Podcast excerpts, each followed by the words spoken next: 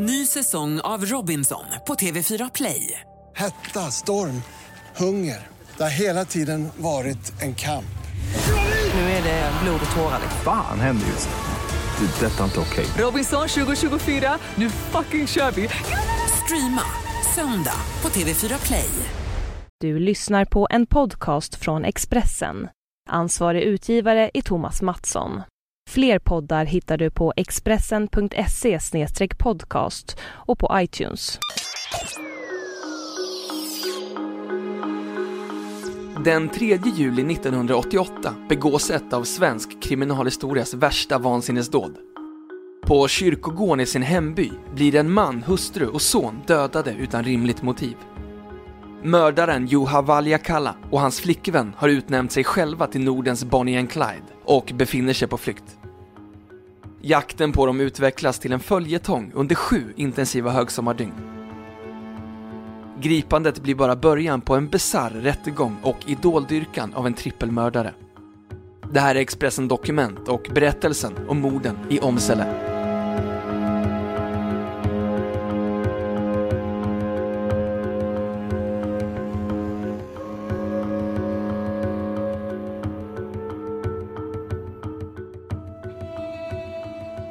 Stämningen är förväntansfull utanför Nygatan 45 i Umeå.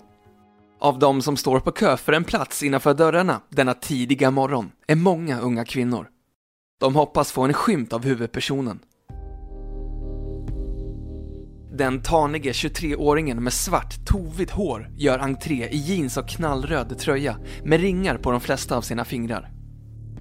Bland de unga kvinnor som får en plats innanför dörrarna kommer det att skrattas och flörtas med mannen han har blivit mottagen som en popidol, tänker Pelle Svensson. Han är försvarsadvokat och har några veckor tidigare spytt efter att ha sett bilder på vad mannen har gjort sig skyldig till. Men här, i Umeå tingsrätt, är det som att delar av varken åhörarskaran eller den åtalade kan eller vill förstå vad som har hänt två månader tidigare. Den åtalade heter Juha Valjakalla och han har tvingat ner en 49-årig man och hans 15-årige son ner på knä och låtit dem be om nåd innan han sköt dem i huvudet på nära håll. När mannens hustru försökt komma till undsättning har han också mördat henne. Nu ska obduktionsbilderna visas upp i rätten. Juha Valjakalla blir erbjuden att lämna rättssalen men ska bestämt sitta kvar. När bilderna på hans offer visas upp vänder han sig om från sin plats längst fram. Han vill se hur omgivningen reagerar. Lördagen den 2 juli 1988 har varit en strålande varm dag. På Stockholms stadion har Bruce Springsteen gjort sin första av två konserter och kommer dagen därpå belönas med fem getingar i Expressen. Stefan Edberg är klar för final mot Boris Becker i Wimbledon, en match han kommer att vinna. Trots semestertider stormar det på det politiska planet. Ebbe Carlsson-affären är en månad gammal Anna-Greta Leijon har tvingats lämna sin post som justitieminister sedan det avslöjats att hon rekommenderat att låta bokförläggaren Karlsson utreda möjligheten att PKK legat bakom mordet på statsminister Olof Palme två år tidigare. Samtidigt är domen i den uppmärksammade rättegången mot allmänläkaren och obducenten som misstänks för styckmordet på Katrin da Costa några dagar bort. I en buss som färdas ut med Vindelälven sitter 15-årige Fredrik Nilsson tillsammans med några kompisar. De har varit på rännan i Norsjö för att roa sig. Den första utekvällen på egen hand. När klockan är närmare 03 gör bussen ett stopp och de är hemma i Åmsele. Även här har det varit fest och många bybor är fortfarande vakna. Flera av dem har sett ett ungt par promenera genom byn efter midnatt. Juha Valjakalla, 23 och Marita Rotalami, 21. Fredrik Nilsson har kommit hem till pappa Sten och mamma Eva som varit på middag hos vänner och fortfarande är vakna. Bara några minuter senare får det kringflackande paret syn på en cykel på familjen Nilssons tomt. Pojkcykeln är egentligen för liten, men de bestämmer sig för att ta den i alla fall. Det går långsamt när de börjar trampa därifrån och de blir upptäckta. Yrkesmilitären Sten Nilsson, 49, bestämmer sig för att ta upp jakten på cykeltjuvarna.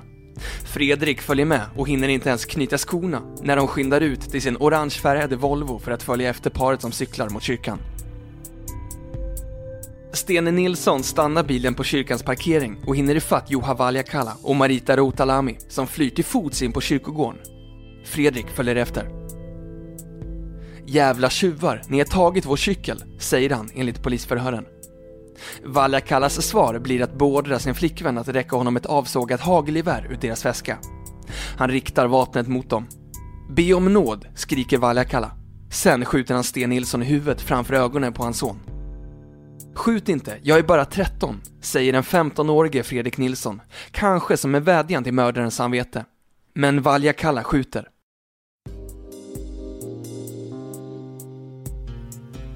Eva Nilsson har hört skotten och springer ut i sin cykel. Juha Valjakalla och Marita Routalami har hunnit sätta sig i sin stulna bil för att fly när hon hinner fram och bankar på bilrutan. Valjakalla vräker omkull Eva Nilsson när han trycker upp bildörren och slänger sig över henne. Han skriker på nytt att Marita ska räcka honom geväret men hon klarar inte av att ladda om det. Eva Nilsson sliter sig loss i tumultet och tappar sin ena sko när hon springer för sitt liv. Juha Valjakalla hinner ifatt henne efter 50 meter. Han kastar sig över henne för att sen slå ihjäl henne med gevärskolven. Hon är redan död när han tar fram sin samekniv och skär halsen av henne. Han tar sig tillbaka till den finskregistrerade Saben, men har problem att starta den. När han till slut får igång bilen pressar han den till max och kör mot Lycksele tillsammans med Marita Rautalami. Utanför Risleden förlorar han kontrollen och kraschar in i en kraftledningsstolpe. Han tvingar sin flickvän att tända eld på bilen innan de fortsätter till fots. Kvar på kyrkogården ligger Sten och Fredriks kroppar bredvid varann. I skogen intill parkeringen ligger Eva Nilsson död, mördade för en cykel. Åska och regn sveper in över Åmsele timmarna efter morden. Det var fruktansvärt. I detta hällregn försökte vi säkra så mycket spår som möjligt. Det rådde väldigt besvärliga förhållanden, säger Ingmar Nyman i en intervju med Västerbottens Folkblad. Tillsammans med Alf Emanuelsson är han första polis på mordplatsen. Med Palmemordet i färskt minne tänder svensk polis på alla cylindrar. Det dröjer inte länge innan det första samtalet från Säpo kommer. Eftersom Sten Nilsson varit chef för flygvapnets hemliga bas i Åmsele vill både Säkerhetspolisen och flygflottiljen i Söderhamn utreda möjligheten att Sten Nilsson varit en måltavla för en främmande makt på grund av sin tjänst inom försvaret. Kommissarie Hans Falman, som leder jakten på mördaren, ger inte mycket för teorierna som kommer från Stockholm. Redan 05.32 på morgonen har någon ringt polisen efter att ha sett den nu utbrunna Saben i Risleden. Det leder jakten i rätt riktning. Inuti bilen finns vad som kommer att bli en av deras viktigaste ledtrådar. Spår efter kaniner. Juha Valjakalla föds den 13 juni 1965 i Björneborg. Han är Sinikka och Veikko Valjakallas enda barn. Under uppväxten försöker Sinikka få familjens ekonomi att gå ihop med att arbeta som städerska, restaurangbiträde och textilarbetare. Pappan är sällan närvarande i hemmet och sonen Juha är hyperaktiv och bråkig. Han slussas mellan skolhem, barnpsykiatri och ungdomsfängelse.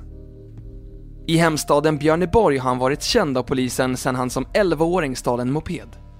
1980, på Juha Valjakallas 15-årsdag, har polisen i Finland gripit honom 63 gånger. Året innan har föräldrarna skilt sig. En skolkamrat har berättat för Expressen att Juha Valjakalla mobbades i skolan, men att han också var utstuderat våldsam mot de vänner han skaffade sig. Som 17-åring begår han för första gången brott i Sverige när han gör sig skyldig till skadegörelse, stöld, snatteri och olovlig körning. Juha Valjakalla skriver dikter i vilka det genomgående temat är död, misär och allmän svartsyn. Punk och hårdrock, framförallt Sex Pistols och Hanoi Rocks, har nu fångat hans intresse. Från det senare bandet hämtar han ett nytt smeknamn som han använder för första gången när han träffar 18-åriga Marita Routalami på raggningsstråket Rännan i Björneborg 1984. Jag heter Hanoi och är rockmusiker. Hänger du med på en tur? Marita Rautilami hoppar in i en av alla bilar som hennes blivande pojkvän har stulit. Utöver musiken delar de ett brinnande intresse för allehanda husdjur. Precis som på skolgården kommer våld och hot bli ett sätt för Valjakalla att få sin vilja igenom i förhållandet. Relationen lever under perioder vidare på distans när Juha Valjakalla sitter i fängelse för att sen friges, begå brott och åka dit på nytt. Våren 1987 är han en fri man med nystulen bil och paret styr mot Sverige. Hittills har Juha Valjakalla främst gjort sig känd hos polisen för inbrott och stölder. Nu utövar han för första gången dödligt våld. När Bo Eriksson i Arvidsjaur upptäcker att hans Mercedes är stulen tar han upp jakten på Valjakalla med motorcykel. I hög hastighet hinner de se varandra i ögonen innan Eriksson prejas ner i diket. Han vittnar mot Valjakalla i Halmstad tingsrätt på hösten. Polisen har hittat en kamera i en av de stulna bilar Valjakalla och Rotalami använt under sommaren. Tack vare de framkallade bilder som paret tagit på sig själva kan Bo Eriksson peka ut Valjakalla.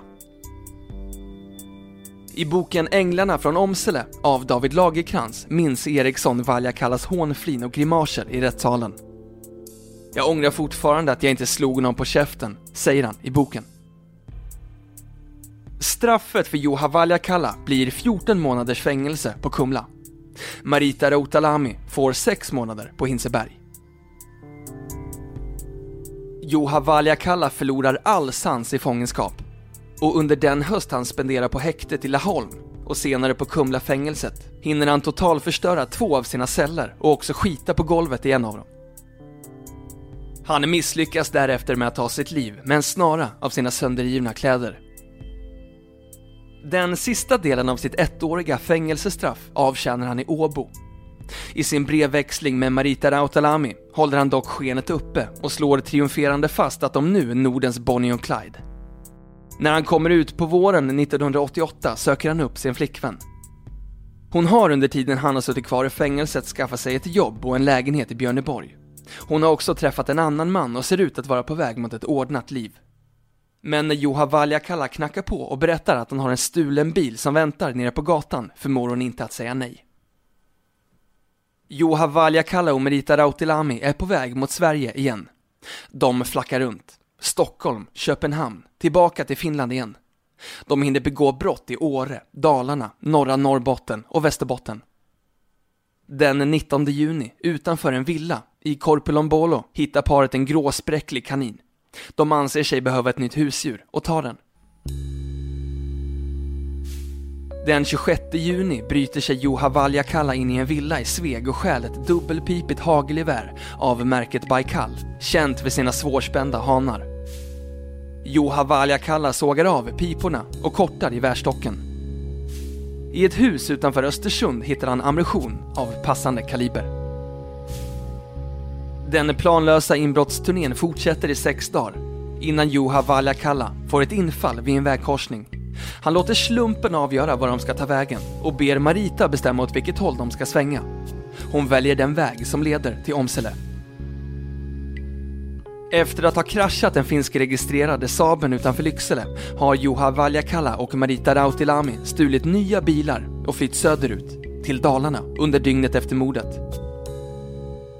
Kommissarie Hans Falman förbannar att folk inte låser sina bilar, men polisen får ett tidigt genombrott i jakten på mördaren och hans flickvän. Christer Ur jobbar på spaningsroten i Halmstad och sitter hemma och läser tidningen. Året innan har han avslutat en vild jakt på en finsk man vid namn Juha Valakala i en stulen Opel Omega. Den slutar med att Ur griper mannen med tjänstevapnet draget. I bagaget på bilen hittar han halmstån, matskålar och en vettskrämd kanin. När han nu läser att samma spår hittats i bilar som mördarna misstänks ha använt ringer han kollegorna i Västerbotten. Nu har de ett namn. Samtidigt har spår efter mordvapnet kopplats till villainbrott i Sveg. Namnet Juha Valjakalla kablas ut till polis i hela Norden. Men man har fortfarande en fem dygn lång polisjakt framför sig. Juha Valjakalla och Marita Rautilami kommer att färdas 3000 mil i 30 stulna bilar med båtar och på cykel. Det enda de tar med sig när de byter fordon är kaninerna. En intet ont anande kvinna i Orsa förstår först efteråt att hon har gett Sveriges mest eftersökta människor skjuts till Mora när hon ser dem lyfta längs vägrenen den 4 juli. Flykten fortsätter mot Vänersborg och nu tror sig polisen ha paret inringat. De blir upptäckta i en svart Saab som anmäls stulen och skuggas in i ett skogsområde. Piketstyrka och helikopter kallas in. Nu ska gripandet komma. Men mörkret faller på och det osannolika sammanträffande att tre bilar av samma modell och färg råkar finnas på grusvägarna i området skapar förvirring. Helikoptern tvingas ner på marken och paret flyr en massiv polisstyrka genom att ro över en sjö. Paret har kommit undan igen. Flykten fortsätter söderut genom hela Sverige och tar inte slut förrän den 10 juli på tågstationen i Odense. En passagerare har tipsat konduktören om att han sett det jagade paret på tåget och konduktören ringer polisen. När tåget stannar stormar Karsten Tade Petersen och åtta kollegor med automatvapen in. I Änglarna från Omsele berättar han. Vi fäste undan folk i korridoren. Vi slängde in dem i kupéerna. Men när vi anlände till parets kupé var den tom. Helvete. Den här gången har Juha Valjakalla och Marita Rautilami dock inte flytt, utan gått rakt i armarna på de väntande poliserna på perrongen. De är gripna. Senare samma dag flygs de till Umeå. Pelle Svensson har semesterpackat sin husbil och är på väg från Sundsvall till Piteå när han får ett samtal från en journalist på lokaltidningen. Juha Valjakalla vill ha dig som sin advokat, får han förklarat för sig. Han har dock inte långt till Umeå, där Valjakalla sitter häktad och bestämmer sig för att ändra på resplanerna. Pelle Svensson är vid den här tidpunkten en av landets mest profilerade och kontroversiella försvarsadvokater. Han drar sig inte för att kritisera branschkollegor. Under den tid polisjakten pågått har han skapat rubriker vid flera tillfällen. Bland annat är han utsatt för en förtalskampanj iscensatt av scientologikyrkan, som Svensson varit en häftig kritiker av. Han har också uttryckt bestörtning över faktumet att en rättsläkare och obducent som stått åtalade för styckmordet av Katrin da Costa nu har friats. Svensson anser att rättegången blottlagt ett kryphål hos det svenska rättsväsendet och drar paralleller till mordet i Omsele när han analyserar hur Katrin da Costas misstänkta mördare kunnat gå fria. Om den här finske galningen grips och har läst tidningen om styckmordsdomen säger han bara “det var hon som sköt” medan hon, flickvännen, kan säga “det var han som gjorde det” och då ska de frikännas, sa han. Han bestämmer sig för att avbryta semestern och ta uppdraget. Om det är hans uttalanden om styckmordsrättegången som gör att Valjakalla får upp ögonen för honom får han inte svar på när han inleder det arbete som kommer att förändra hans liv.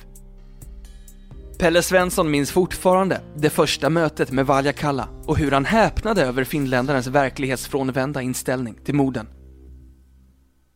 Det är han som får Valjakalla att börja prata och berätta detaljer som knyter honom och flickvännen till brottsplatsen och därefter också till brottet. Men Juha Valjakalla vägrar erkänna och skyller konsekvent morden på Marita. Det kommer att dröja till 2000-talet innan han erkänner att det var han som sköt. För Pelle Svensson, åklagare Lars G Andersson, Marita Rautilamis advokat Gunnar Falk eller tingsrätten råder det dock aldrig några tvivel om vem mördaren är.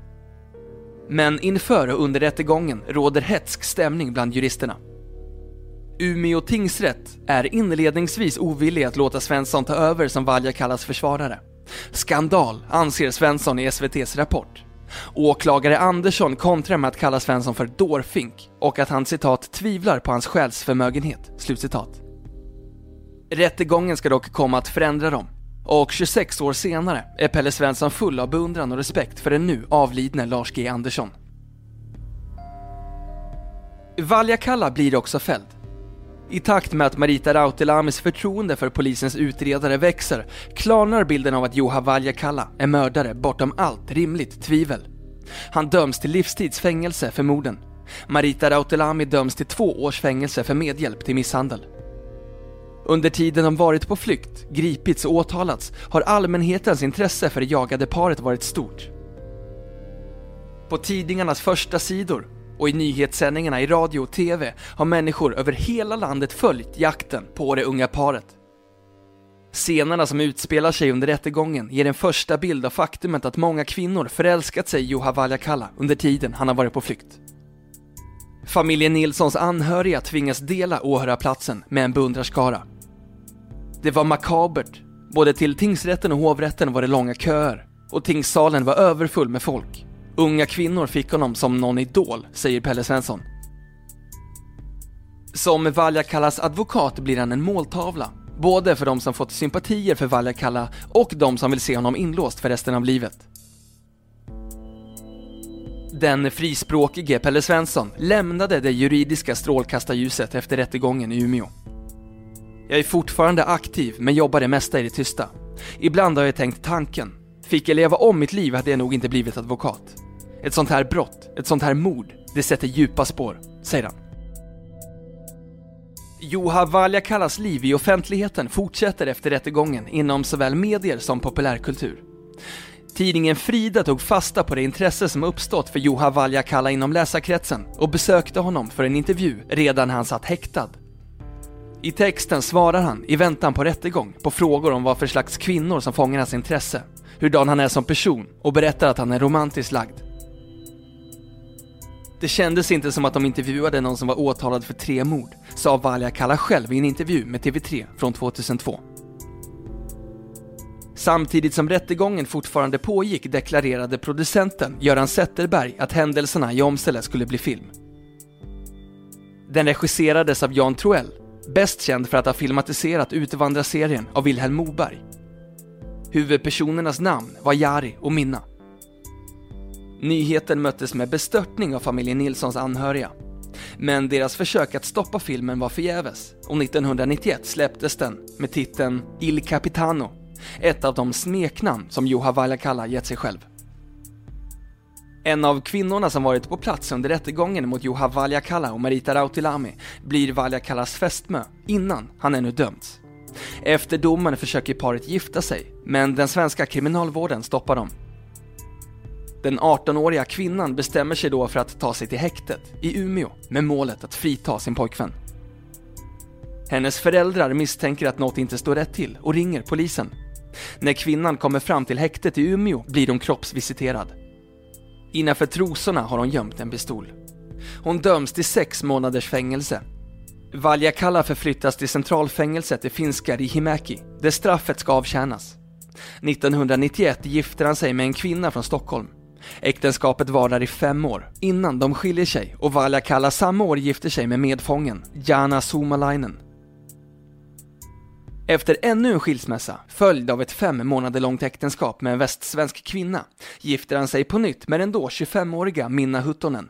Även hon satt i fängelse efter att ha torterat en man till döds i finska Poljärvi. Paret fick året därpå börja åka på obevakade permissioner tillsammans. På den fjärde permissionen kom de inte tillbaka. I tre dagar letade finsk och svensk polis efter Valjakalla och hustrun. När de hittades var mönstret detsamma som många gånger tidigare. De kunde gripas vid en stulen bil. Sen livstidsdomen för morden i Åmsele har Juha Valjakalla sökt nåd vid ett flertal tillfällen. Han är utvisad från Sverige på livstid.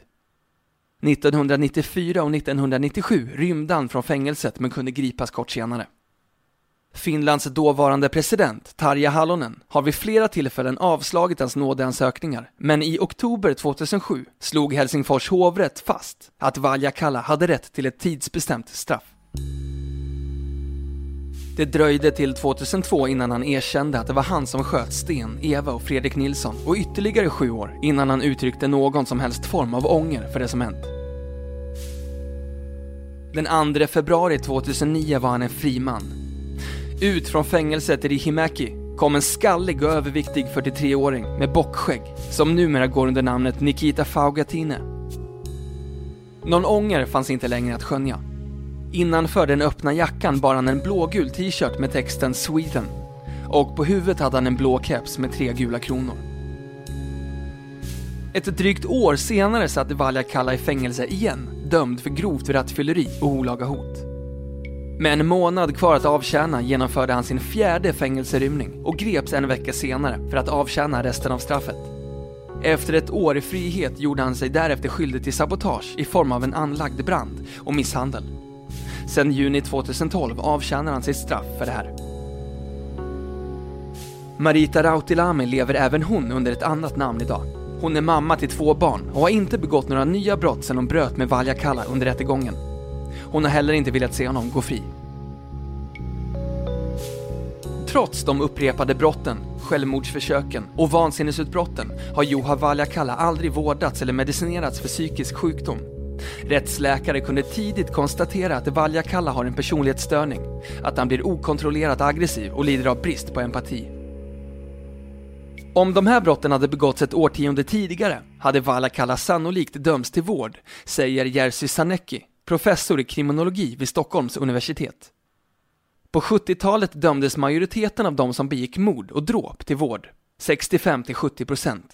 Man ansåg att man måste vara galen för att mörda andra människor. Sen sker en förändring, som pågår till 90-talet. Man börjar anse att en person som är ganska störd ändå är ansvarig för sina handlingar och brott. Och idag är det sällsynt att mördare döms till vård. Det brukar sägas att dagen då Olof Palme mördades 1986 var dagen då Sverige förlorade sin oskuld. Två år senare fick den svenska självbilden en ny smäll när tre medlemmar av samma familj mördades i en by på landsbygden. På kyrkogården i Omsele står ett minnesmärke där vatten porlar ur tre naturstenar. Försoningens plats till minne av Aina Falanders arbete mot våld och hat för liv, upprättelse och försoning efter morden på Sten, Eva och Fredrik Nilsson på Omsele kyrkogård 3 juli 1988.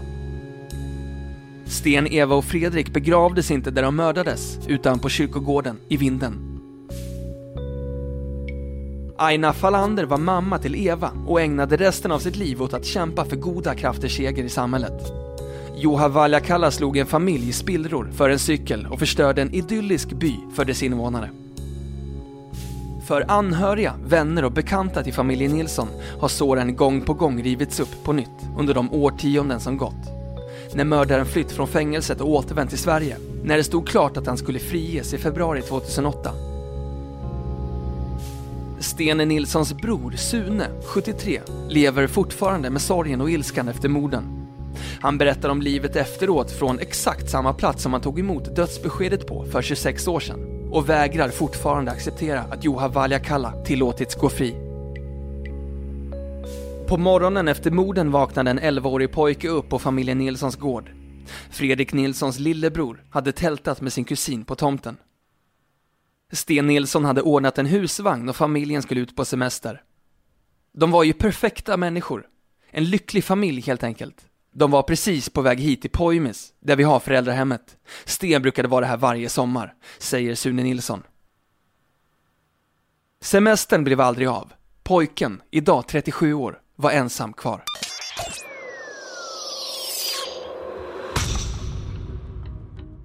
Du har lyssnat på en podcast från Expressen. Ansvarig utgivare är Thomas Mattsson. Fler poddar finns på Expressen.se och på iTunes.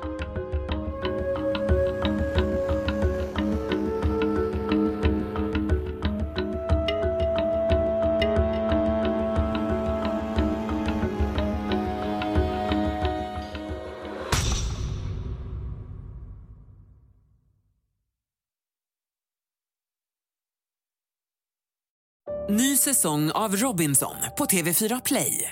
Hetta, storm, hunger. Det har hela tiden varit en kamp. Nu är det blod och tårar. Fan händer just nu. Det. är Detta är inte okej. Robinson 2024, nu fucking kör vi!